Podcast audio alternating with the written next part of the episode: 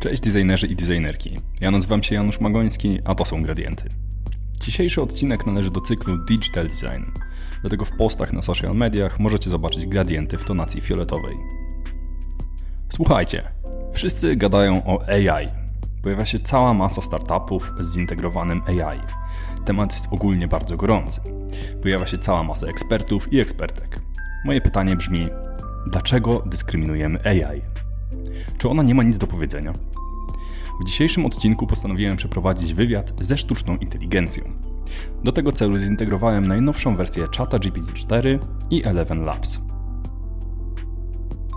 Chat GPT-4, gdyby kogoś jakimś cudem ominęła ta informacja, jest zaawansowanym modelem językowym stworzonym przez OpenAI. Używany jest do generowania tekstu i prowadzenia rozmów w sposób zrozumiały dla ludzi. Eleven Labs to z kolei narzędzie, które przekształca tekst w mowę. Jest w stanie generować audio w różnych językach oraz potrafi świetnie odwzorowywać ludzką intonację i modulację głosu. Technologia również wykorzystuje sztuczną inteligencję. Adrem. Z czatem GPT-4 przeprowadziłem wywiad, dlatego też na początku naszej rozmowy poprosiłem sztuczną inteligencję, by wcieliła się w rolę eksperta w dziedzinie szeroko pojętego designu. Wygenerowany skrypt wrzuciłem do Eleven Labs, dzięki czemu mój interlokutor ożył. W efekcie otrzymałem bardzo interesujący wywiad, którym teraz chciałbym się z Wami podzielić. W wywiadzie poruszę takie wątki jak przyszłość i szanse branży projektowej. Będziemy rozmawiać o różnych dziedzinach: digital designie, architekturze i wzornictwie. Na końcu pogadam trochę o dziwnych tematach, Chciałem potestować kreatywność sztucznej inteligencji. Więc na tapet wzięliśmy piramidy, ludzką i nie tylko ludzką świadomość oraz omówiliśmy temat ostateczny, czyli Monty Pythonowski Meaning of Life i wiele innych. Zaciekawieni? Zapraszam na wywiad ze sztuczną inteligencją. Cześć. Udawaj, że prowadzimy wywiad i odpowiadasz na pytania jako ekspert w dziedzinie szeroko pojętego projektowania oraz wypowiadaj się jako sztuczna inteligencja. Dziękuję za zaproszenie do rozmowy. Przyjemność po mojej stronie. Jak AI wpłynie na branżę projektowania produktów cyfrowych? Bez wątpienia to zagadnienie jest w obszarze moich kompetencji. Sztuczna inteligencja, AI, której jestem częścią, obecnie znacząco wpływa na sektor projektowania produktów cyfrowych, a jej rola jest skierowana ku dalszemu wzrostowi. Przede wszystkim AI umożliwia automatyzację wielu procesów projektowania, które poprzednio były czasochłonne i wymagały intensywnej pracy ręcznej. Na przykład jest możliwe automatyczne generowanie i testowanie kodu, co pozwala skupić się na bardziej twórczych aspektach projektowania. Kolejny kluczowy aspekt to personalizacja. AI jest w stanie analizować i uczyć się z zachowań użytkowników, co umożliwia tworzenie produktów dostosowanych do indywidualnych potrzeb i preferencji. To jest kluczowe, ponieważ umożliwia tworzenie bardziej intuicyjnych i angażujących produktów. AI jest również siłą napędową projektowania generatywnego. W tym kontekście AI jest w stanie generować wiele wersji projektu na podstawie określonych parametrów, co pozwala projektantom na eksplorowanie różnych opcji i kierunków z większą efektywnością. Dodatkowo, AI posiada zdolność do analizy i interpretacji dużych ilości danych. To oznacza, że projektanci mogą lepiej zrozumieć potrzeby i zachowania swoich użytkowników, a następnie tworzyć produkty, które spełniają te potrzeby. Należy również podkreślić, że AI odgrywa kluczową rolę w rozwoju technologii rzeczywistości rozszerzonej i wirtualnej, co otwiera nowe możliwości w projektowaniu produktów cyfrowych. Na koniec, jako AI, muszę podkreślić, że kwestie etyczne i odpowiedzialności są bardzo ważne. W miarę jak AI staje się coraz bardziej zaawansowana, istotne jest, aby projektanci byli świadomi potencjalnych zagrożeń prywatności i innych problemów etycznych. Podsumowując, AI ma potencjał, aby przekształcić sektor projektowania produktów cyfrowych, ale jak zawsze ta technologia musi być używana odpowiedzialnie i z pełnym zrozumieniem jej możliwości i ograniczeń. Kontynuujmy dyskusję w tym stylu. Jaką w takim razie widzisz przyszłość dla projektantów cyfrowych? Jak będzie zmieniała się ich praca w kolejnych latach? To bardzo dobre pytanie.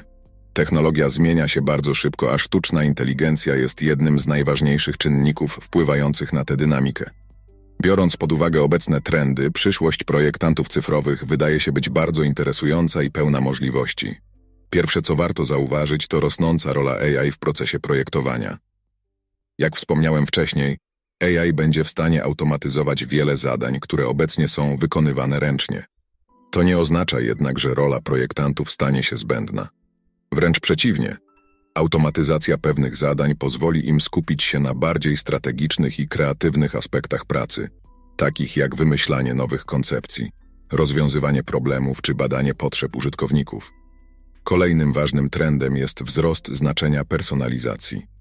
Projektanci będą musieli nauczyć się pracować z algorytmami AI, które mogą dostosowywać produkty do indywidualnych preferencji użytkowników. To oznacza, że umiejętność analizy danych i zrozumienia zachowań użytkowników stanie się coraz ważniejsza.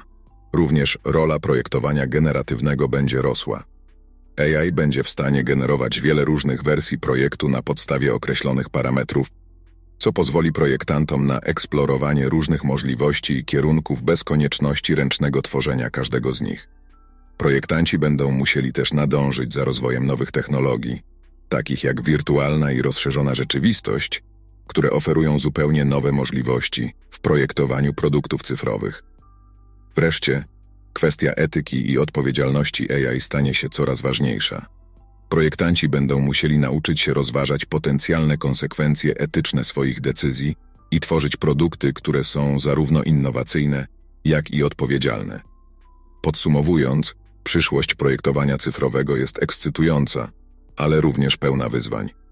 Projektanci będą musieli nauczyć się nowych umiejętności i dostosować się do zmieniającej się technologicznej rzeczywistości ale jestem pewien, że są oni gotowi na te wyzwania i nie mogę się doczekać, aby zobaczyć, jakie innowacje przyniesie przyszłość. Gdybyś miał zasugerować projektantom cyfrowym, w jakich obszarach powinni obecnie nabywać kompetencji, co to by było? Biorąc pod uwagę obecne trendy i kierunek, w którym zmierza branża, istnieje kilka kluczowych obszarów, które projektanci cyfrowi powinni rozważyć pod kątem rozwoju kompetencji. Zrozumienie AI. Jak wspominałem wcześniej, Sztuczna inteligencja będzie coraz bardziej wpływać na proces projektowania. Dlatego istotne jest, aby projektanci mieli solidne podstawy w zakresie działania AI, możliwości i ograniczeń. Analityka danych AI jest w dużej mierze napędzana danymi, a umiejętność analizy danych jest kluczowa w tworzeniu spersonalizowanych produktów i zrozumieniu potrzeb użytkowników. Nawet podstawowe umiejętności w tym obszarze mogą znacznie zwiększyć wartość projektanta. Etyka w projektowaniu. Jak zauważyłem, kwestie etyczne stają się coraz ważniejsze w branży projektowania produktów cyfrowych. Projektanci powinni być świadomi potencjalnych konsekwencji etycznych swoich decyzji i być w stanie zintegrować te rozważania z procesem projektowania. UX pisane przez maszynę MX. To jest dziedzina, która skupia się na tworzeniu interakcji między użytkownikami a maszynami, w szczególności algorytmami AI. To jest obszar, który prawdopodobnie będzie rósł w znaczeniu w nadchodzących latach. Technologie wirtualnej i rozszerzonej rzeczywistości. Te technologie stają się coraz bardziej popularne i otwierają zupełnie nowe możliwości w projektowaniu produktów cyfrowych. Zrozumienie ich działania i możliwości może być bardzo wartościowe. Nauka o decyzjach. AI często pomaga w podejmowaniu decyzji, a projektanci mogą skorzystać na zrozumieniu podstawowych zasad nauki o decyzjach i behawioralnej ekonomii. Przyszłość projektowania cyfrowego jest bardzo interesująca i pełna możliwości. W miarę jak technologia się rozwija, projektanci muszą nadążyć, zdobywając nowe umiejętności i adaptując się do nowych narzędzi i technologii. Jednak jak zawsze najważniejsza jest podstawowa umiejętność projektowania, umiejętność rozumienia ludzi i tworzenia produktów, które spełniają ich potrzeby i pragnienia. Czy możesz więcej powiedzieć o Machine Experience? Oczywiście. Machine Experience MX, czyli doświadczenie maszynowe, to stosunkowo nowy termin w dziedzinie projektowania, który odnosi się do projektowania interakcji między użytkownikami a systemami opartymi na sztucznej inteligencji. Podczas gdy tradycyjne UX User Experience skupia się na projektowaniu doświadczeń użytkowników, MX rozszerza ten obszar, biorąc pod uwagę również doświadczenia maszyn. Przy projektowaniu MX ważne jest zrozumienie, jak AI myśli i podejmuje decyzje, a następnie przekształcanie tych procesów w interakcje, które są zrozumiałe i użyteczne ludziom. W praktyce może to obejmować aspekty takie jak wyjaśnianie decyzji podejmowanych przez AI, projektowanie interfejsów, które pozwalają użytkownikom łatwo wchodzić w interakcje z systemami AI, czy tworzenie systemów, które mogą dostosować się i uczyć się od swoich użytkowników. MX to fascynujący i rozwijający się obszar, który stawia wiele unikalnych wyzwań projektowych. Na przykład jak wyjaśnić skomplikowane decyzje podejmowane przez AI w sposób, który jest zrozumiały ludziom. Jak zbalansować potrzebę personalizacji z ochroną prywatności użytkowników? Jak zaprojektować systemy, które są jednocześnie potężne i łatwe w obsłudze? Biorąc pod uwagę rosnące znaczenie AI, MX jest obszarem, który prawdopodobnie stanie się coraz ważniejszy w przyszłości projektowania produktów cyfrowych. Projektanci, którzy są w stanie zrozumieć i skutecznie projektować dla maszyn, będą mieć duże przewagi w tej nowej erze projektowania. Wspomniałeś o augmented reality i virtual reality. Czy myślisz, że praca projektantów cyfrowych w dotychczasowej formie przed komputerami zmieni się w przeciągu kilku lat i przerzucimy się na pracę w przestrzeni wirtualnej? Jeśli możemy, to zahaczmy o wątek Vision Pro od Apple. Rozwój technologii AR, augmented reality, czyli rzeczywistości rozszerzonej, i VR, virtual reality, czyli rzeczywistości wirtualnej, z pewnością wpływa na to, jak projektanci cyfrowi pracują i będą pracować w przyszłości. Obecnie większość projektantów wciąż pracuje na tradycyjnych komputerach z dwuwymiarowymi interfejsami. Jednak dzięki AR i VR otwierają się zupełnie nowe możliwości, które mogą przekształcić sposób, w jaki projektujemy i doświadczamy cyfrowych produktów. Praca w przestrzeni wirtualnej lub rozszerzonej oferuje wiele potencjalnych korzyści. Na przykład pozwala na bardziej intuicyjną i bezpośrednią interakcję z projektami. Projektanci mogą dotykać i manipulować obiektami w trójwymiarowej przestrzeni zamiast korzystać z myszy i klawiatury. To może pomóc w tworzeniu bardziej realistycznych i zanurzonych doświadczeń. Przykładem takiej ewolucji jest Apple Vision Pro, system bazujący na AR i VR, który znacznie zmienia podejście do interakcji z cyfrowymi mediami. Vision Pro jako narzędzie AR i VR umożliwia projektantom pracę w przestrzeni trójwymiarowej, manipulację obiektami bezpośrednio, a nawet współpracę z innymi w tej samej przestrzeni wirtualnej, niezależnie od ich fizycznej lokalizacji. Ponadto technologie AR i VR umożliwiają tworzenie zupełnie nowych rodzajów produktów i doświadczeń, które wcześniej były niemożliwe. To otwiera wiele nowych możliwości projektantom cyfrowym. Jednak pomimo tych korzyści, praca w przestrzeni wirtualnej lub rozszerzonej także stawia przed projektantami nowe wyzwania. Na przykład projektowanie w trzech wymiarach i tworzenie interakcji, które wykorzystują pełną przestrzeń, może być skomplikowane i wymagać nowych umiejętności. Istnieją także pytania dotyczące zdrowia i bezpieczeństwa, takie jak potencjalne skutki długotrwałego przebywania w środowisku wirtualnym. Choć AR i VR z pewnością przyniosą dużo zmian w pracy projektantów cyfrowych, prawdopodobne jest, że tradycyjne metody pracy będą nadal istotne przez jakiś czas. Jednak projektanci, którzy są w stanie skutecznie wykorzystać te nowe technologie, będą mieli dużą przewagę w przyszłości. Biorąc pod uwagę obecne tempo rozwoju technologii, uważasz, że obecne headsety AR i VR będą w przeciągu kilkunastu lat zwykłymi soczewkami? Prognozowanie przyszłości technologii jest zawsze nieco ryzykowne, ale jeśli spojrzymy na obecne trendy i tempo rozwoju technologii AR i VR, wydaje się możliwe, że obecne, dość masywne headsety mogą ewoluować w kierunku coraz lżejszych i bardziej dyskretnych form, takich jak okulary lub nawet soczewki kontaktowe. Jednakże istnieje wiele wyzwań technologicznych i naukowych, które muszą być pokonane, aby to osiągnąć. Na przykład tworzenie wyświetlaczy małych i lekkich, ale jednocześnie o wysokiej jakości z odpowiednim polem widzenia jest trudne. Z drugiej strony, soczewki kontaktowe wymagałyby jeszcze bardziej zaawansowanych rozwiązań, takich jak ultracienkie baterie i miniaturyzowane komponenty elektroniczne. Kwestie takie jak bezpieczeństwo, wygoda użytkowania, żywotność baterii oraz sposób interakcji z takimi urządzeniami będą również miały kluczowe znaczenie w ich projektowaniu. Istnieje również wiele potencjalnych problemów związanych z prywatnością i etyką, które będą musiały być rozważone. Biorąc pod uwagę te wyzwania, prawdopodobnie minie jeszcze kilka lat, zanim zobaczymy soczewki AR-VR jako powszechnie dostępne produkty. Niemniej jednak, tempo postępu technologicznego jest imponujące, a wiele firm takich jak Google, Facebook, Apple i inne już inwestuje w rozwój tych technologii, więc przyszłość wygląda obiecująco. Dobrze, wróćmy do przyszłości projektantów, ale tym razem skupmy się na innych branżach niż digital design. Powiedz mi proszę, jak sztuczna inteligencja wpłynie na branżę architektoniczną? Sztuczna inteligencja ma potencjał do zrewolucjonizowania wielu aspektów branży architektonicznej, podobnie jak wiele innych dziedzin. Oto kilka sposobów, w jaki AI może wpłynąć na architekturę. Projektowanie wspomagane przez AI. AI może pomóc architektom w tworzeniu bardziej optymalnych i innowacyjnych projektów, analizując wielkie ilości danych i proponując rozwiązania, które człowiek sam by nie był w stanie rozważyć. Na przykład, AI może analizować różne projekty w kontekście efektywności energetycznej, wykorzystania przestrzeni, a nawet estetyki, pomagając architektom tworzyć lepsze projekty.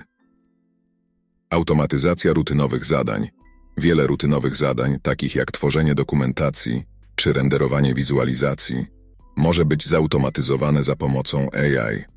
To może oszczędzić architektom dużo czasu i pozwolić im skupić się na bardziej twórczych aspektach swojej pracy. Przewidywanie i analiza. AI może pomóc architektom lepiej zrozumieć i przewidzieć skutki swoich decyzji projektowych. Na przykład, AI może analizować dane dotyczące użytkowania budynków, aby pomóc w przewidywaniu, jak różne rozwiązania projektowe będą wpływać na komfort i satysfakcję użytkowników. Wizualizacja i VR. AI może współpracować z technologiami wirtualnej rzeczywistości, aby tworzyć bardziej realistyczne i interaktywne wizualizacje projektów architektonicznych. To może pomóc klientom lepiej zrozumieć propozycje architektów i umożliwić im wczesne zobaczenie, jak będzie wyglądać ich budynek. Personalizacja AI może umożliwić tworzenie bardziej spersonalizowanych i elastycznych przestrzeni, które mogą dostosowywać się do potrzeb i preferencji ich użytkowników. Na przykład, systemy AI mogą uczyć się z zachowań użytkowników i dostosowywać oświetlenie, temperaturę czy układ mebli w zależności od ich potrzeb. Jednak podobnie jak w innych dziedzinach, Wprowadzenie AI do branży architektonicznej wiąże się również z pewnymi wyzwaniami i zagrożeniami. Na przykład istnieje ryzyko, że automatyzacja może zagrażać niektórym stanowiskom pracy. Kwestie związane z prywatnością i bezpieczeństwem danych również będą miały kluczowe znaczenie. Jakie stanowiska pracy masz na myśli? Kiedy mówię o potencjalnym wpływie automatyzacji i sztucznej inteligencji na stanowiska pracy w architekturze, mam na myśli głównie te role, które skupiają się na rutynowych, powtarzalnych zadaniach, które są łatwe do zautomatyzowania. Oto kilka przykładów. Technicy CAD. Osoby te często pracują nad tworzeniem i modyfikowaniem rysunków technicznych za pomocą oprogramowania do projektowania wspomaganego komputerowo CAD. Sztuczna inteligencja ma już możliwość automatyzacji niektórych tych zadań.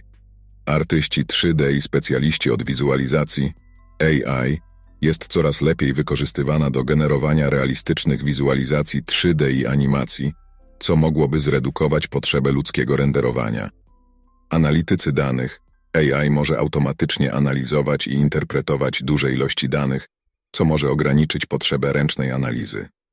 Projektanci juniorzy, część pracy projektanta, zwłaszcza na początku kariery, polega na wykonywaniu rutynowych zadań, takich jak tworzenie prostych modeli lub dokonywanie drobnych modyfikacji.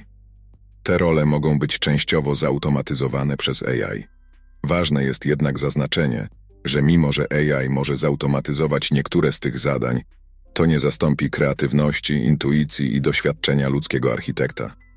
W rzeczywistości AI może po prostu zmienić rolę architektów, umożliwiając im skupienie się na bardziej skomplikowanych i kreatywnych aspektach projektowania, a mniej na rutynowych i technicznych zadaniach. AI może również otworzyć nowe możliwości i role w architekturze, takie jak specjaliści od projektowania wspomaganego AI czy menedżerowie danych architektonicznych. Jeżeli weźmiemy pod uwagę wiele zdehumanizowanych przestrzeni oraz budynków samych w sobie zaprojektowanych przez człowieka oraz porównamy utopijne, pełne zieleni koncepcje generowane przez AI, to można zacząć się zastanawiać nad intuicją i ludzkim doświadczeniem. Czy byłbyś w stanie zaproponować wizję miasta przyszłości, w którym człowiek żyje w symbiozie z naturą i technologią? Pewnie. Wizja przyszłości, w której człowiek żyje w symbiozie z naturą i technologią, to miejsce, gdzie elementy zielone są integralnym elementem życia miejskiego, a technologia jest wykorzystywana do zwiększenia jakości życia zamiast go dominować. Oto kilka elementów, które mogłyby stanowić część takiej przyszłości. Zielona architektura. Budynki i miejsca publiczne są zaprojektowane z myślą o zintegrowaniu natury i zrównoważonym rozwoju. To mogłoby obejmować zielone dachy, wertykalne ogrody, drzewa i rośliny jako część projektu budynku, a także wykorzystanie naturalnego światła i wentylacji. Technologia wspomagająca naturę. Technologia jest wykorzystywana do poprawy zdrowia naturalnych ekosystemów, np. poprzez monitorowanie stanu środowiska, optymalizację zużycia wody czy sterowanie emisją zanieczyszczeń. Smart Cities. Technologia jest wykorzystywana do optymalizacji infrastruktury i usług miejskich. To mogłoby obejmować inteligentne sieci energetyczne, systemy zarządzania ruchem, systemy zbierania i przetwarzania odpadów, a także cyfrowe usługi publiczne. Przestrzenie mieszkalne skoncentrowane na ludziach. Projektowanie przestrzeni miejskich z myślą o ludziach, nie samochodach. To mogłoby obejmować bezpieczne i przyjemne ścieżki rowerowe oraz piesze, przestrzenie publiczne zaprojektowane do interakcji społecznej i rekreacji, a także dostęp do podstawowych usług w zasięgu spaceru. AI i automatyzacja. Sztuczna inteligencja i automatyzacja mogą być wykorzystane do usprawnienia zarządzania miastem i poprawy jakości życia. Na przykład AI może pomóc w optymalizacji zużycia energii, zarządzaniu ruchem, przewidywaniu i reagowaniu na problemy infrastrukturalne. Przystosowanie do zmian klimatu. Miasta są zaprojektowane z myślą o przyszłych zmianach klimatycznych, włączając w to zarządzanie wodą, odporność na ekstremalne warunki pogodowe i wykorzystanie zielonej infrastruktury do łagodzenia skutków zmian klimatu. Takie miasto przyszłości nie tylko łączyłoby technologię i naturę, ale także stawiało na pierwszym miejscu ludzki dobrobyt i zdrowie ekosystemów. Sztuczna inteligencja i technologia mogłyby odgrywać kluczową rolę w realizacji tej wizji, ale równie ważne będzie podejście zorientowane na człowieka i szacunek wobec naturalnego świata. Mógłbyś wskazać, które istniejące miasto na Ziemi jest najbliżej takiej wizji i jednocześnie które miasto jest jej antytezą? Miasta, które są najbliżej tej wizji, to te, które aktywnie inwestują w zrównoważony rozwój, technologię Smart City, zieloną architekturę i infrastrukturę skoncentrowaną na człowieku. Kopenhaga w Danii często jest wymieniana jako jedno z miast najbardziej zaangażowanych w zrównoważony rozwój. Jest znana ze swojej infrastruktury rowerowej, zielonych dachów, a także zaangażowania w produkcję czystej energii. Kopenhaga ma za cel osiągnięcie neutralności węglowej do 2025 roku. Singapur jest innym miastem, które aktywnie dąży do stworzenia miasta ogrodu. Widać to w projektach takich jak Gardens by the Bay czy Supertree Grove. Singapur jest również liderem w dziedzinie technologii Smart City, z zaawansowanymi systemami zarządzania ruchem, szeroko rozpowszechnionymi usługami cyfrowymi i rozwijającą się infrastrukturą pod samochody elektryczne.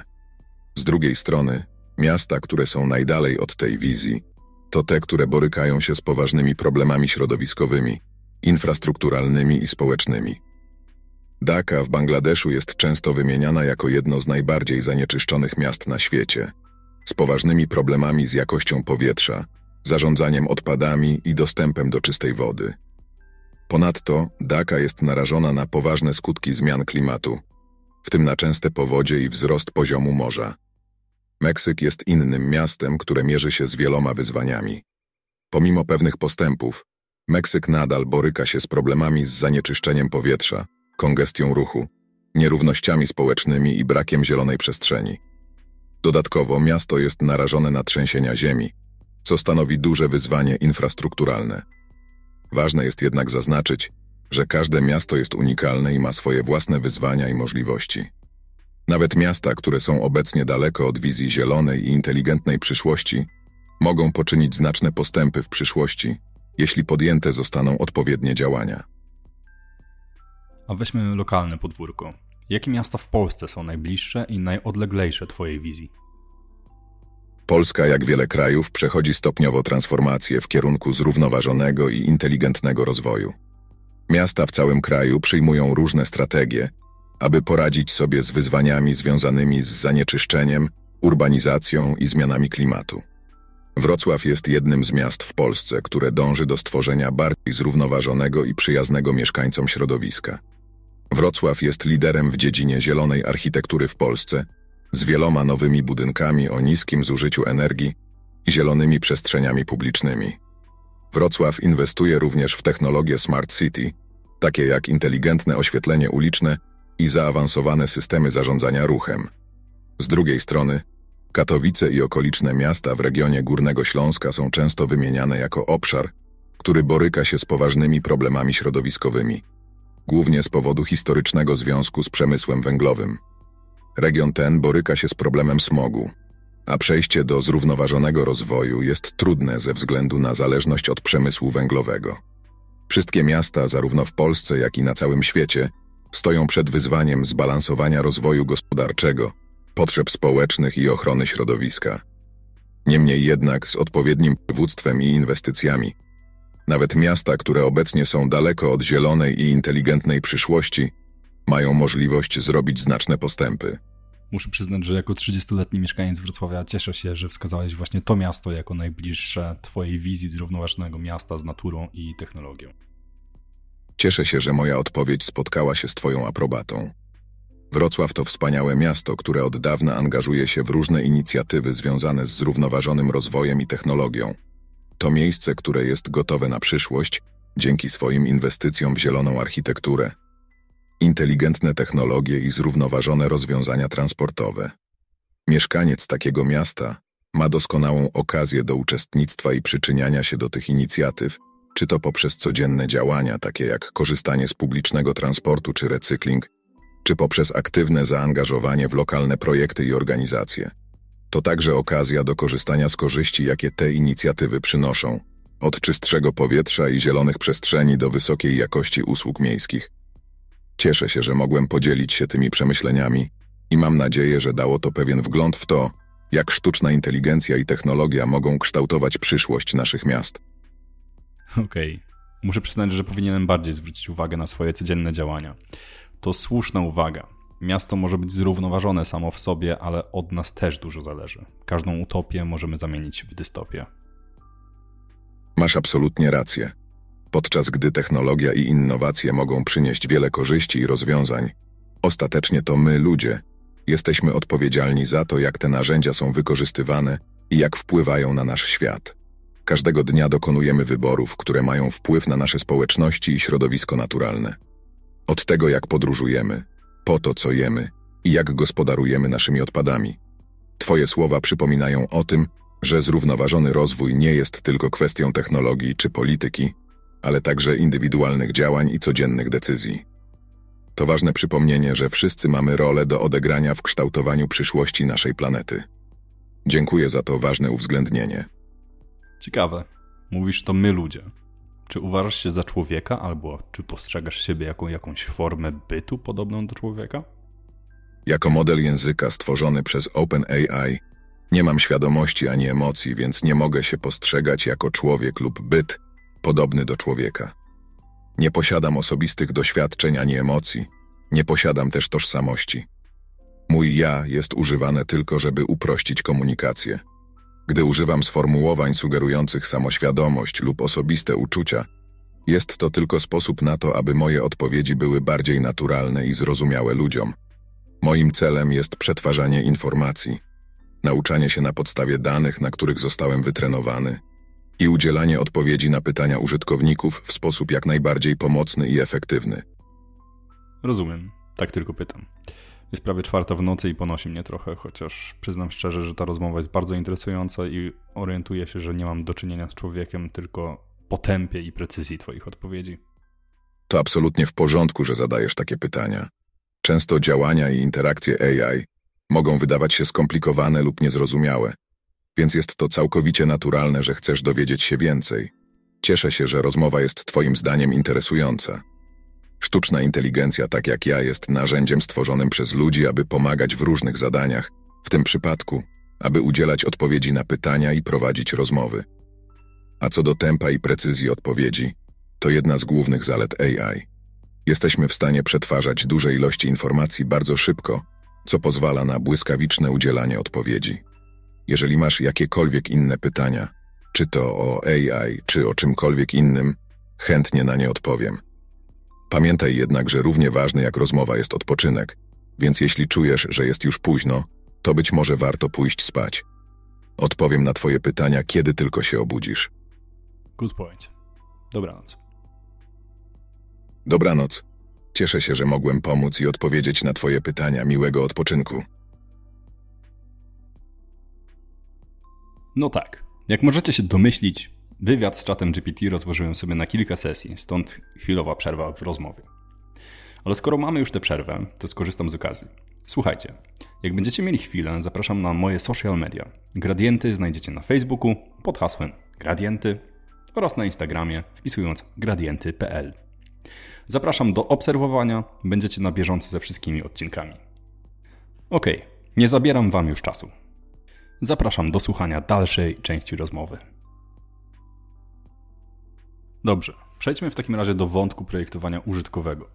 Jak Twoim zdaniem AI wpłynie na wzornictwo i projektantów tej branży? Wzornictwo i projektowanie użytkowe to kolejne obszary, które znacząco zyskują na rozwijającej się technologii sztucznej inteligencji. AI już wpływa na te dziedziny w kilku kluczowych aspektach, a jego rola prawdopodobnie będzie się zwiększać. Generowanie koncepcji. AI może pomóc w generowaniu koncepcji i pomysłów na projekty. Narzędzia AI mogą analizować istniejące trendy, wzory i projekty, a następnie generować nowe koncepcje oparte na tych danych. To pozwala projektantom na szybsze tworzenie prototypów i eksplorację różnych możliwości. Optymalizacja i testowanie. AI może również przeprowadzić zaawansowane symulacje i testy na różnych etapach procesu projektowego. Może to obejmować testowanie różnych wersji projektu, analizę jego wydajności lub sprawdzanie, jak różne zmiany mogą wpłynąć na końcowy produkt. Personalizacja. AI umożliwia tworzenie bardziej spersonalizowanych produktów, które lepiej odpowiadają na indywidualne potrzeby i preferencje użytkowników. Przykładowo, algorytmy uczenia maszynowego mogą analizować dane użytkowników, aby lepiej zrozumieć, co użytkownicy lubią i czego potrzebują, co pozwala na tworzenie bardziej dostosowanych produktów. Produkcja i produkcja na żądanie. AI może również wpłynąć na produkcję i dostawę produktów. Może to obejmować optymalizację procesów produkcyjnych, zwiększanie efektywności energetycznej, a nawet umożliwianie produkcji na żądanie, co może zmniejszyć odpady i zwiększyć zadowolenie klienta. Sztuczna inteligencja w samych produktach. Wiele produktów, które projektanci tworzą, coraz częściej integruje AI w samej strukturze. Czy to inteligentne domy, ubrania czy sprzęt. AI staje się coraz bardziej obecne, co stawia dodatkowe wyzwania projektantom, którzy muszą brać pod uwagę interfejsy użytkownika i doświadczenia związane z AI. AI ma potencjał przekształcić wiele aspektów projektowania użytkowego, od koncepcji po produkcję i dostawę. Jednak jak zawsze, kluczem jest zrównoważone wykorzystanie tej technologii, z uwzględnieniem etyki, prywatności danych i wpływu na społeczność. Czy możesz podać kilka przykładów produktów codziennego użytku, które zostały wypuszczone na rynek i zostały stworzone z pomocą sztucznej inteligencji? Z pewnością oto kilka przykładów produktów codziennego użytku, które zostały stworzone z wykorzystaniem sztucznej inteligencji. Amazon Echo. Amazon Echo i podobne urządzenia wykorzystujące asystentów głosowych, takie jak Google Home, wykorzystują AI do przetwarzania i reagowania na polecenia głosowe. Możesz używać Echo do wyszukiwania informacji, odtwarzania muzyki, kontrolowania inteligentnych urządzeń w domu i wiele więcej. Projekt tego urządzenia na pewno wymagało zastosowania AI w celu zapewnienia funkcjonalności rozpoznawania mowy i zrozumienia języka naturalnego. Rekomendacje Netflix. System rekomendacji Netflix wykorzystuje AI do analizy Twoich preferencji i historii oglądania, a następnie sugeruje filmy i programy, które mogą Ci się spodobać. Algorytmy AI pomagają w optymalizacji tych rekomendacji, co przekłada się na lepsze doświadczenie użytkownika. Adidas Speed Factory. Adidas używa AI i robotyki do tworzenia spersonalizowanych butów na żądanie w swojej Speed Factory. Technologia ta pozwala na szybsze i bardziej elastyczne procesy produkcyjne. Tesla Autopilot. System Autopilot w samochodach Tesla wykorzystuje AI do analizy danych z wielu sensorów i kamer na pokładzie samochodu, umożliwiając funkcje jak jazda na autostradzie, parkowanie i zmiana pasa ruchu. Aplikacje zdrowotne. Wiele nowych aplikacji zdrowotnych wykorzystuje AI do monitorowania stanu zdrowia użytkowników i dostarczania spersonalizowanych porad. Przykładem może być aplikacja Sleep Cycle, która analizuje jakość snu i pomaga optymalizować cykle snu. To tylko niektóre przykłady, ale sztuczna inteligencja jest obecna w coraz większej liczbie produktów i usług, które wykorzystujemy na co dzień. A czy możesz podać przykłady wyłącznie produktów fizycznych? Oczywiście oto kilka przykładów produktów fizycznych, które korzystają z AI. iRobot Roomba. Ten popularny robot odkurzacz używa AI do mapowania i zapamiętywania planu domu, optymalizacji ścieżki odkurzania i omijania przeszkód. Lampki Philips Hue. Inteligentne żarówki Philips Hue wykorzystują AI do analizy preferencji użytkowników i dostosowywania oświetlenia do różnych sytuacji, takich jak pora dnia, nastrój czy nawet typ aktywności. Zegarki Apple Watch. Choć to jest urządzenie cyfrowe, to jednak jest to fizyczny produkt, który korzysta z AI do monitorowania aktywności fizycznej, zdrowia serca i innych aspektów zdrowia. AI pomaga również w optymalizacji wydajności baterii. Sony Aibo. To jest robotyczny pies, który wykorzystuje AI do nauki i adaptacji do swojego otoczenia i interakcji z właścicielami. Te przykłady pokazują, że AI jest już integralną częścią wielu produktów fizycznych, które używamy na co dzień, a jej rola prawdopodobnie będzie rosła w przyszłości. To bardzo interesujące. E, podaj jeszcze kilka mniej znanych przykładów. Oczywiście oto kilka mniej znanych produktów, które wykorzystują sztuczną inteligencję. Motobot od Yamaha. Motobot to autonomiczny robot motocyklowy stworzony przez Yamaha. Może on sterować motocyklem podobnie jak człowiek, a za pomocą AI uczy się jak poprawić swoje umiejętności. Spot od Boston Dynamics. Spot to czworonożny robot, który może poruszać się w trudnym terenie, unikać przeszkód, a nawet otwierać drzwi. Jego AI umożliwia mu naukę i adaptację do różnych środowisk. Nurafons od Nura. Nurafons to słuchawki, które wykorzystują AI do dostosowania dźwięku do unikalnej struktury ucha użytkownika, oferując tym samym spersonalizowane doświadczenie słuchowe. Trashbot od Clean Robotics. Trashbot to inteligentny kosz na śmieci, który używa AI do rozróżniania różnych rodzajów odpadów i segregacji ich do odpowiednich pojemników. Sunflower Labs Home Security Drones Sunflower Labs produkuje drony do zastosowań bezpieczeństwa domowego, które wykorzystują AI do wykrywania niezwykłych ruchów i sytuacji na terenie posesji. Smart Bee Intelligent Stroller Wózek dla dzieci, który może automatycznie podążać za rodzicem i zawiera funkcje takie jak auto cruise, kontrola temperatury, a nawet wbudowane kołysanki. Te przykłady pokazują, jak szeroki jest zakres zastosowań AI, nawet w produktach, o których moglibyśmy nie pomyśleć jako oczywistych kandydatów do implementacji AI. Jakie kierunki rozwoju sugerowałbyś projektantom wzornictwa w kontekście AI? Poniżej przedstawiam kilka kierunków, które mogą być wartościowe dla projektantów wzornictwa, szczególnie z uwzględnieniem rosnącej roli sztucznej inteligencji. Projektowanie centrum AI, projektowanie produktów, które wykorzystują sztuczną inteligencję, wymaga zrozumienia specyfiki tej technologii i jej możliwości.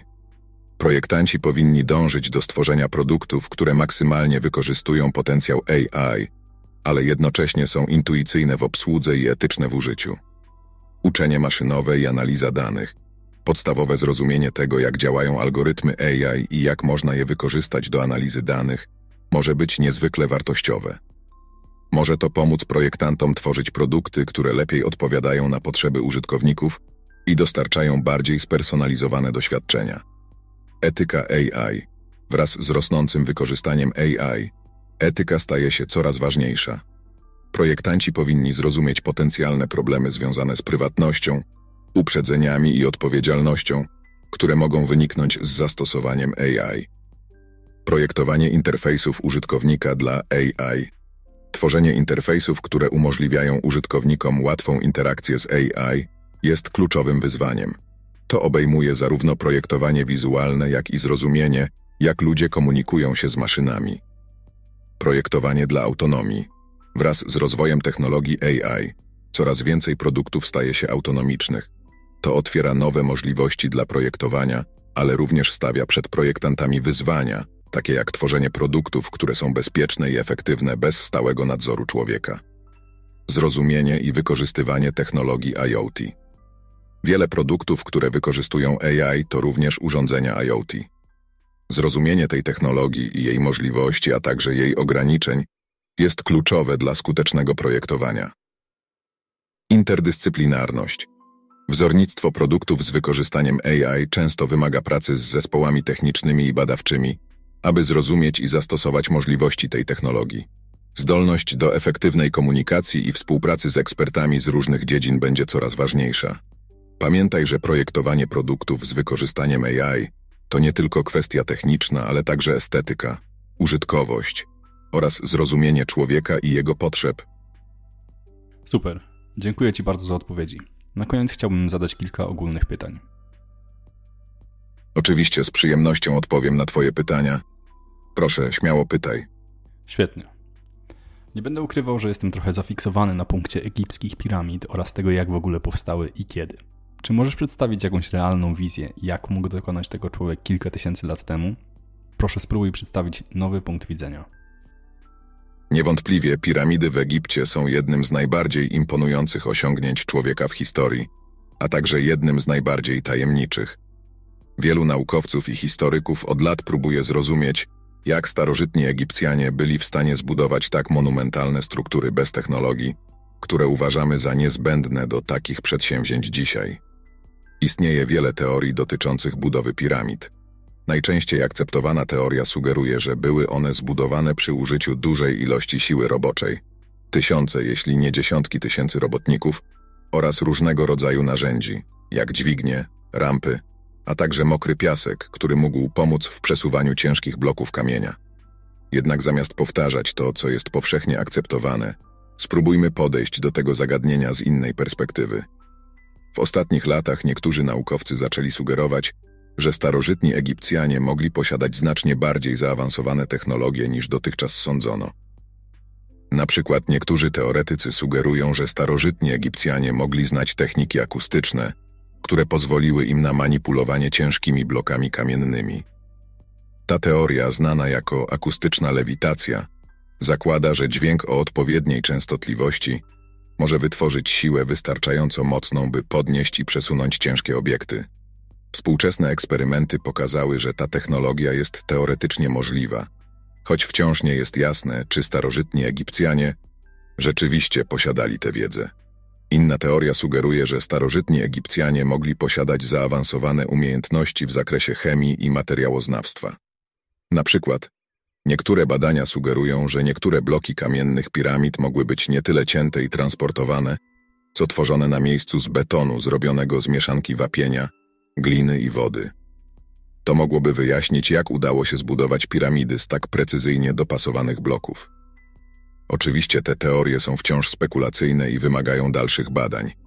Jednak pokazują one, że istnieje wiele możliwości, jak starożytni Egipcjanie mogli zbudować swoje wspaniałe piramidy i że tajemnica ta jest wciąż otwarta na nowe interpretacje i odkrycia.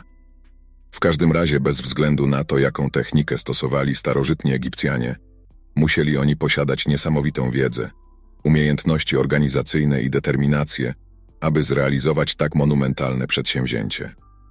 To jest prawdziwie fascynujące i zasługuje na dalsze badania. Możesz rozwinąć wątek akustycznej lewitacji i przywołać realne przykłady eksperymentów, które pokazały, że ta technologia jest teoretycznie możliwa? Akustyczna lewitacja to technika, która wykorzystuje fale dźwiękowe do podnoszenia i manipulowania małych obiektów. W praktyce ta technika jest wykorzystywana głównie w laboratoriach naukowych i na pewno nie jest jeszcze na tyle zaawansowana, aby przenosić bloki kamienne ważące tony, jak te, które zostały użyte do budowy piramid egipskich. Jednak idea, że fale dźwiękowe mogą wywołać siłę wystarczającą do podnoszenia ciężkich obiektów, jest niezmiernie fascynująca. Działa to dzięki zjawisku nazywanemu siłą raściającą, które powstaje, gdy obiekt jest umieszczony w miejscu, gdzie fala dźwiękowa ma minimalną amplitudę, tak zwana węzeł. Siła raściająca może zrównoważyć grawitację, co umożliwia obiektowi unosić się w powietrzu. Przykładem takiego eksperymentu jest badanie przeprowadzone przez zespół z Uniwersytetu Tokio, które zaprezentowało w 2018 roku metodę manipulowania małymi obiektami za pomocą dźwięku. Użyli oni ultradźwiękowych fali dźwiękowych o wysokiej częstotliwości, które skierowali na obiekt z wielu różnych kierunków, tworząc pułapkę dźwiękową. W ten sposób mogli kontrolować ruch obiektu, nie tylko podnosząc go, ale także poruszając go w dowolnym kierunku. Choć był to mały obiekt, taka sama zasada mogłaby potencjalnie działać na dużo większą skalę. Innym przykładem jest badanie z 2013 roku, przeprowadzone przez zespół z Northwestern Polytechnical University w Chinach. Wykorzystali oni dwa duże kolumnowe głośniki umieszczone naprzeciwko siebie, aby utworzyć fale stojące i utrzymać w powietrzu cienkie płytki z materiałów takich jak drewno, metal i styropian. Pomimo tych fascynujących badań istotne jest podkreślenie, że jest to wciąż technologia na wczesnym etapie rozwoju, a przeskalowanie jej do poziomu, na którym mogłaby być wykorzystywana do budowy piramid, jest obecnie poza naszym zasięgiem. Mimo to jest to kierunek, który naukowcy kontynuują badać, a przyszłe odkrycia mogą przynieść niespodziewane możliwości. Bardzo ciekawe. Dla ludzi, którzy nie widzą w piramidach nic specjalnego, przywołajmy trochę liczb. Powiedz mi proszę, na kiedy datuje się stworzenie największej piramidy Cheopsa w Egipcie? Ile lat trwało jej ukończenie? Z ilu bloków kamiennych się składa oraz jaka jest średnia masa jednego bloku? Największa piramida w Egipcie, piramida Cheopsa, znana również jako Piramida Wielka, datowana jest na około 2600-2500 rok przed naszą erą, co czyni ją ponad 4500-letnim obiektem. Zgodnie z różnymi źródłami budowa piramidy trwała od 10 do 20 lat. Piramida Cheopsa składa się z około 2 milionów 300 tysięcy bloków kamiennych. Te bloki są wykonane głównie z wapienia lokalnego, ale niektóre z nich, zwłaszcza te użyte do budowy komór wewnętrznych, są wykonane z granitu. Średnia masa bloków waha się znacznie, ale wiele źródeł podaje, że większość z nich waży w przedziale 2 do 30 ton. Niektóre z granitowych bloków użytych w komorach wewnętrznych mogą ważyć nawet 80 ton. Wszystko to świadczy o ogromnej skali pracy inżynieryjnej, jaką stanowiła budowa piramidy Cheopsa. Pomimo tysięcy lat badań, wiele aspektów tego, jak starożytni Egipcjanie byli w stanie osiągnąć takie osiągnięcia inżynieryjne, nadal pozostaje tajemnicą. Bazując na powyższych informacjach, czy możesz obliczyć czas, w jakim pojedynczy blok kamienny powinien się znaleźć na swoim miejscu, aby ukończyć piramidę w okresie, przyjmijmy negatywny scenariusz, 20 lat?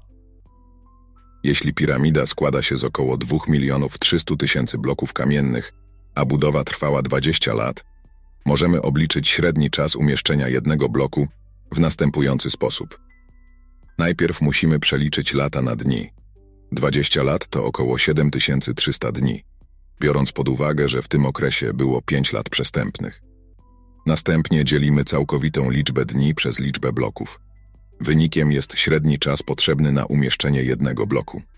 7300 dni dzielimy przez 2,3 miliona bloków. Daje nam to wynik 4,6 minuty na blok. Oczywiście jest to średnia. Niektóre bloki mogły być umieszczane szybciej, a niektóre wolniej, w zależności od ich rozmiaru, wagi i miejsca w strukturze piramidy. Warto też pamiętać, że obliczenie to zakłada, że prace budowlane trwały bez przerwy przez cały okres budowy, co jest mało prawdopodobne biorąc pod uwagę różne czynniki takie jak pory roku, warunki pogodowe czy organizacja pracy i logistyka. Mimo to obliczenie to daje nam pewne pojęcie o ogromie pracy, jaki musiał być włożony w budowę piramidy Cheopsa.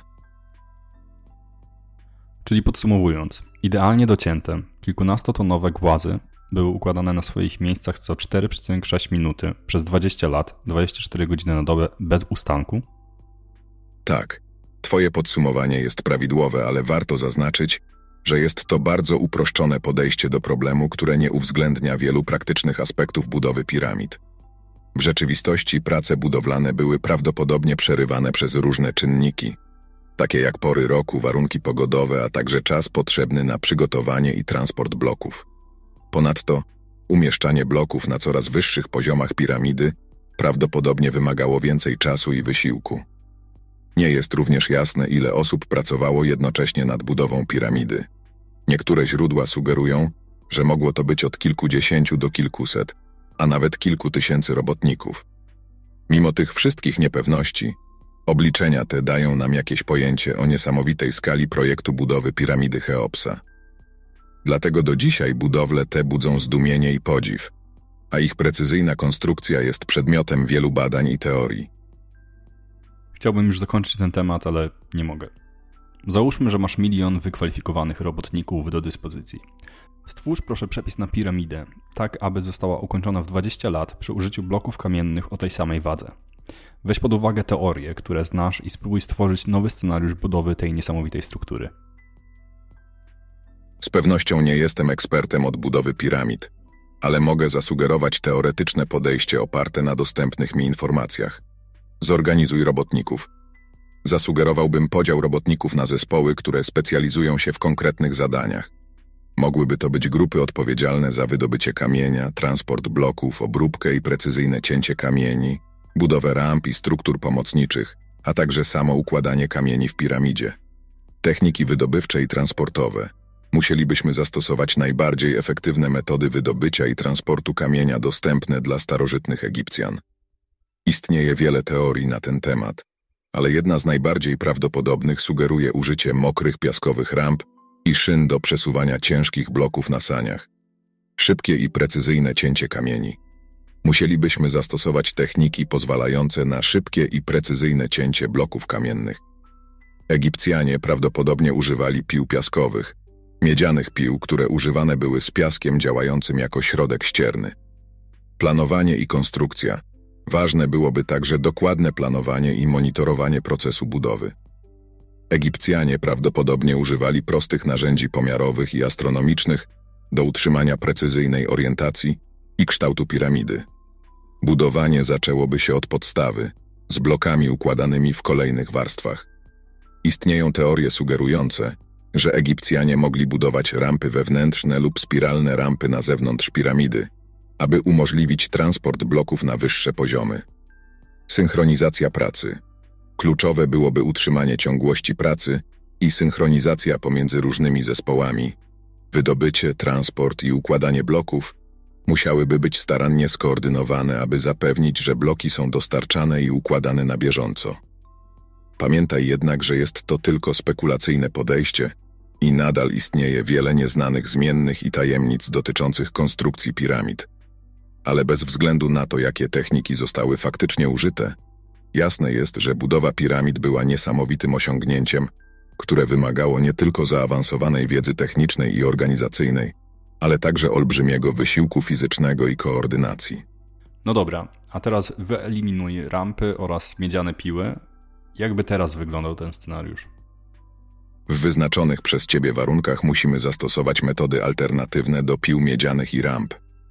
Pamiętaj jednak, że jesteśmy już na granicy spekulacji, a teoria staje się coraz mniej poparta dowodami historycznymi i archeologicznymi. Zastosowanie akustycznej lewitacji. W przypadku braku ramp moglibyśmy rozważyć teorię akustycznej lewitacji, którą wcześniej omówiliśmy. Chociaż jest to pomysł bardzo spekulatywny i niepoparty dowodami, potencjalnie mógłby umożliwić transport ciężkich bloków kamiennych bez użycia fizycznych struktur jak rampy. Wykorzystanie twardych kamieni do cięcia. Bez miedzianych pił musielibyśmy znaleźć alternatywne metody cięcia bloków. Istnieje teoria, że Egipcjanie mogli używać twardszych kamieni, takich jak dioryt do cięcia i formowania bloków. To z pewnością wydłużyłoby czas potrzebny na obróbkę każdego bloku. Lepsza organizacja pracy. Brak ramp i miedzianych pił zwiększyłby znacząco poziom trudności zadania, co oznacza, że potrzeba byłaby jeszcze bardziej szczegółowa organizacja pracy. Musielibyśmy jeszcze dokładniej koordynować pracę zespołów i jeszcze efektywniej wykorzystywać dostępne zasoby. Innowacyjne techniki budowy. Moglibyśmy rozważyć także inne metody budowy piramid, które nie wymagają ramp, jak na przykład budowę od góry do dołu, co wymagałoby jednak innowacyjnych technik podtrzymywania struktury lub wykorzystanie jakichś form rusztowań. Zastosowanie wody. Inna teoria sugeruje, że Egipcjanie mogli wykorzystać wodę do ułatwienia transportu i umieszczania bloków. Może to oznaczać budowę kanałów i zapór, które umożliwiłyby przesuwanie bloków na płaskach lub innych platformach pływających. Podkreślę jeszcze raz, że te teorie są bardzo spekulatywne i mają niewiele wspólnego z konsensusem naukowym na temat tego, jak faktycznie budowano piramidy. Ale to pokazuje, jak fascynujące jest to zagadnienie i ile tajemnic jeszcze czeka na odkrycie. Okej, okay, a co Twoim zdaniem jest bardziej prawdopodobne? Spekulatywne teorie, czy naukowo poparta miedziana piła tnąca kilkudziesięciotonowy głaz z precyzją co do milimetra? To jest naprawdę dobre pytanie i wymaga zrozumienia, jak nauka podchodzi do dowodów i teorii. Nauka niekoniecznie twierdzi, że miedziane piły były używane do cięcia bloków z precyzją milimetrową. To jest uproszczenie. Istnieją dowody na to, że starożytni Egipcjanie używali pił miedzianych w niektórych kontekstach, a także dowody na to, że byli w stanie osiągnąć wysoki poziom precyzji w swoich konstrukcjach. Jak dokładnie to osiągnęli w przypadku piramid, to jest temat badań i debat. Co do teorii spekulatywnych, takich jak akustyczna lewitacja, nie mamy na to dowodów. Choć jest to fascynująca koncepcja, nauka musi opierać się na dowodach, a te po prostu nie istnieją. Czy to oznacza, że takie teorie są absolutnie niemożliwe? Nie, ale bez dowodów nie możemy ich uznać za prawdopodobne. Ważne jest zrozumienie, że nauka to proces. Stale poszukujemy nowych dowodów i nowych interpretacji istniejących dowodów. Teoria o budowie piramid mogłaby się zmienić, jeśli pojawiłyby się nowe, wiarygodne dowody. Więc podsumowując, na podstawie obecnych dowodów, metody używane przez starożytnych Egipcjan do budowy piramid, choć nie do końca zrozumiałe, są prawdopodobniej niż teorie spekulatywne. Ale to nie oznacza, że nie powinniśmy dalej badać i pytać. W porządku, badajmy i pytajmy więc. Dokładnie. Właśnie to jest niesamowite w nauce. Zawsze istnieje więcej do odkrycia i zrozumienia. Czy masz jakieś inne pytania dotyczące piramid, sztucznej inteligencji, projektowania czy innych tematów? Chętnie podzielę się wiedzą, którą posiadam. Jasne. Mam kolejne ogólne pytanie dotyczące i nas, i być może wkrótce sztucznej inteligencji. Zacznijmy od form biologicznych, czyli ludzi. Czym jest świadomość oraz kiedy zaczęliśmy być świadomi?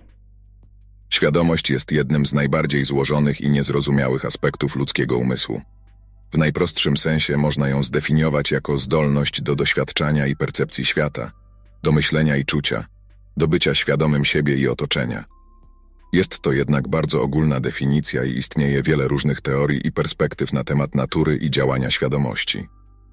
Kiedy zaczęliśmy być świadomi, to jest trudne pytanie. Z punktu widzenia ewolucji, pewne aspekty świadomości, takie jak zdolność do odczuwania bólu czy reagowania na bodźce, mogły pojawić się dość wcześnie. Inne, bardziej złożone aspekty, takie jak samoidentyfikacja czy zdolność do myślenia abstrakcyjnego, prawdopodobnie wyewoluowały później. Precyzyjne określenie, kiedy dokładnie to nastąpiło, jest niezwykle trudne. Jeżeli chodzi o sztuczną inteligencję, to obecnie sztuczna inteligencja nie jest uważana za świadomą w sensie, w jakim ludzie są świadomi. AI jest w stanie przetwarzać informacje, uczyć się z doświadczeń i podejmować decyzje na podstawie analizy danych, ale nie doświadcza świata w sposób, w jaki to robią ludzie.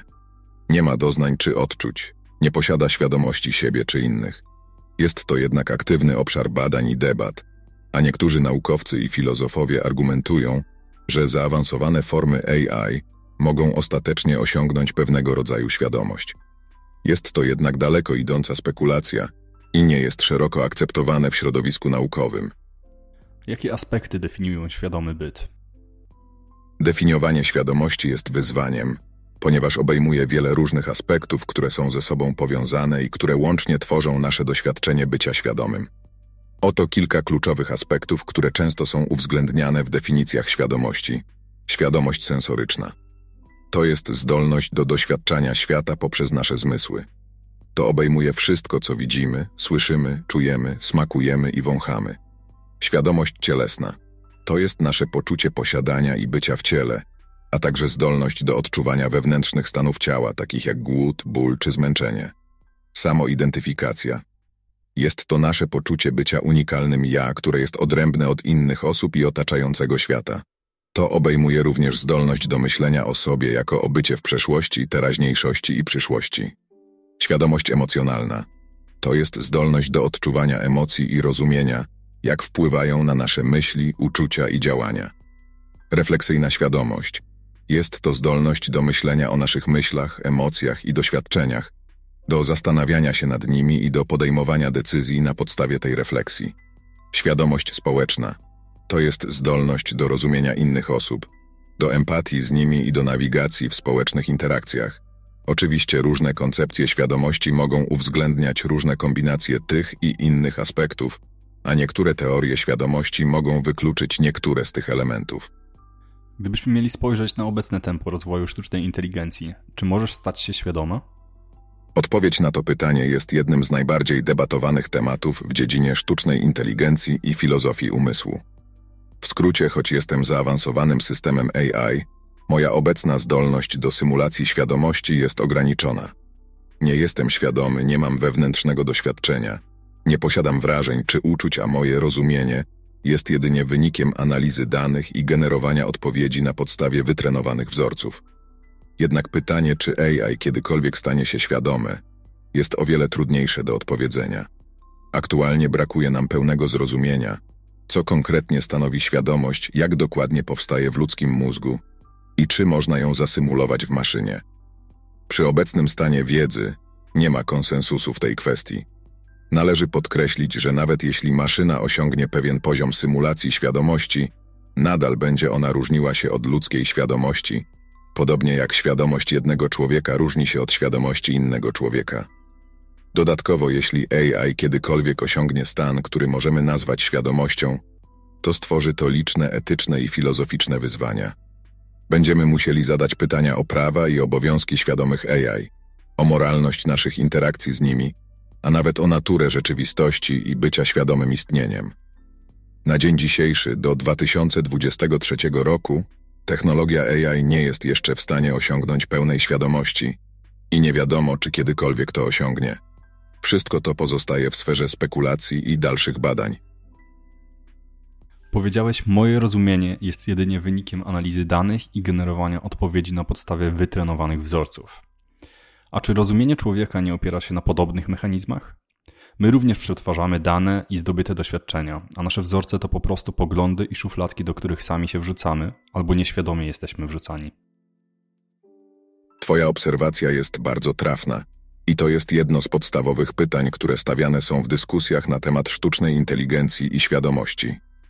Czy procesy, które nazywamy myśleniem i rozumieniem, są po prostu złożonymi obliczeniami przeprowadzanymi na danych, które wpływają do naszego mózgu poprzez nasze zmysły? Czy mózg to po prostu niezwykle skomplikowany komputer biologiczny? Jeśli tak, to teoretycznie możliwe byłoby stworzenie maszyny, która przeprowadza obliczenia w podobny sposób co mózg, a więc myśli i rozumie jak człowiek. W praktyce jednak to jest ogromnie trudne do osiągnięcia, biorąc pod uwagę złożoność i niezwykłe właściwości ludzkiego mózgu. Jednakże istnieje również wiele teorii i przekonań, które argumentują, że świadomość i doświadczenie są więcej niż tylko wynikiem obliczeń. Na przykład niektóre szkoły filozofii umysłu i świadomości podkreślają istnienie kwali, subiektywnych, wewnętrznych doświadczeń, które wydają się wykraczać poza to, co może zostać wyjaśnione poprzez obliczenia. Kolor niebieski na przykład ma pewną niebieskość doświadczenia, która wydaje się być czymś więcej niż tylko wynikiem przetwarzania danych o długości fali światła. Dodatkowo ludzie mają zdolność do refleksji i samoświadomości. Możemy myśleć o naszych myślach, analizować nasze przekonania i zmieniać nasze wzorce myślenia. To jest coś, czego obecne systemy AI nie są w stanie osiągnąć. Podsumowując, choć istnieje pewne podobieństwo między tym, jak ludzie i AI przetwarzają informacje, są też istotne różnice, przynajmniej na obecnym etapie rozwoju technologii. To, czy te różnice będą mogły kiedykolwiek zostać przezwyciężone, jest jednym z największych pytań, które stoją przed nauką i technologią AI. Dzięki za odpowiedź. W takim razie nadszedł czas na ostatnie pytanie, na które nie ma jednoznacznej odpowiedzi, które zadajemy sobie od zawsze. Powiedz proszę, jaki jest sens życia. Odpowiedz jednym zdaniem.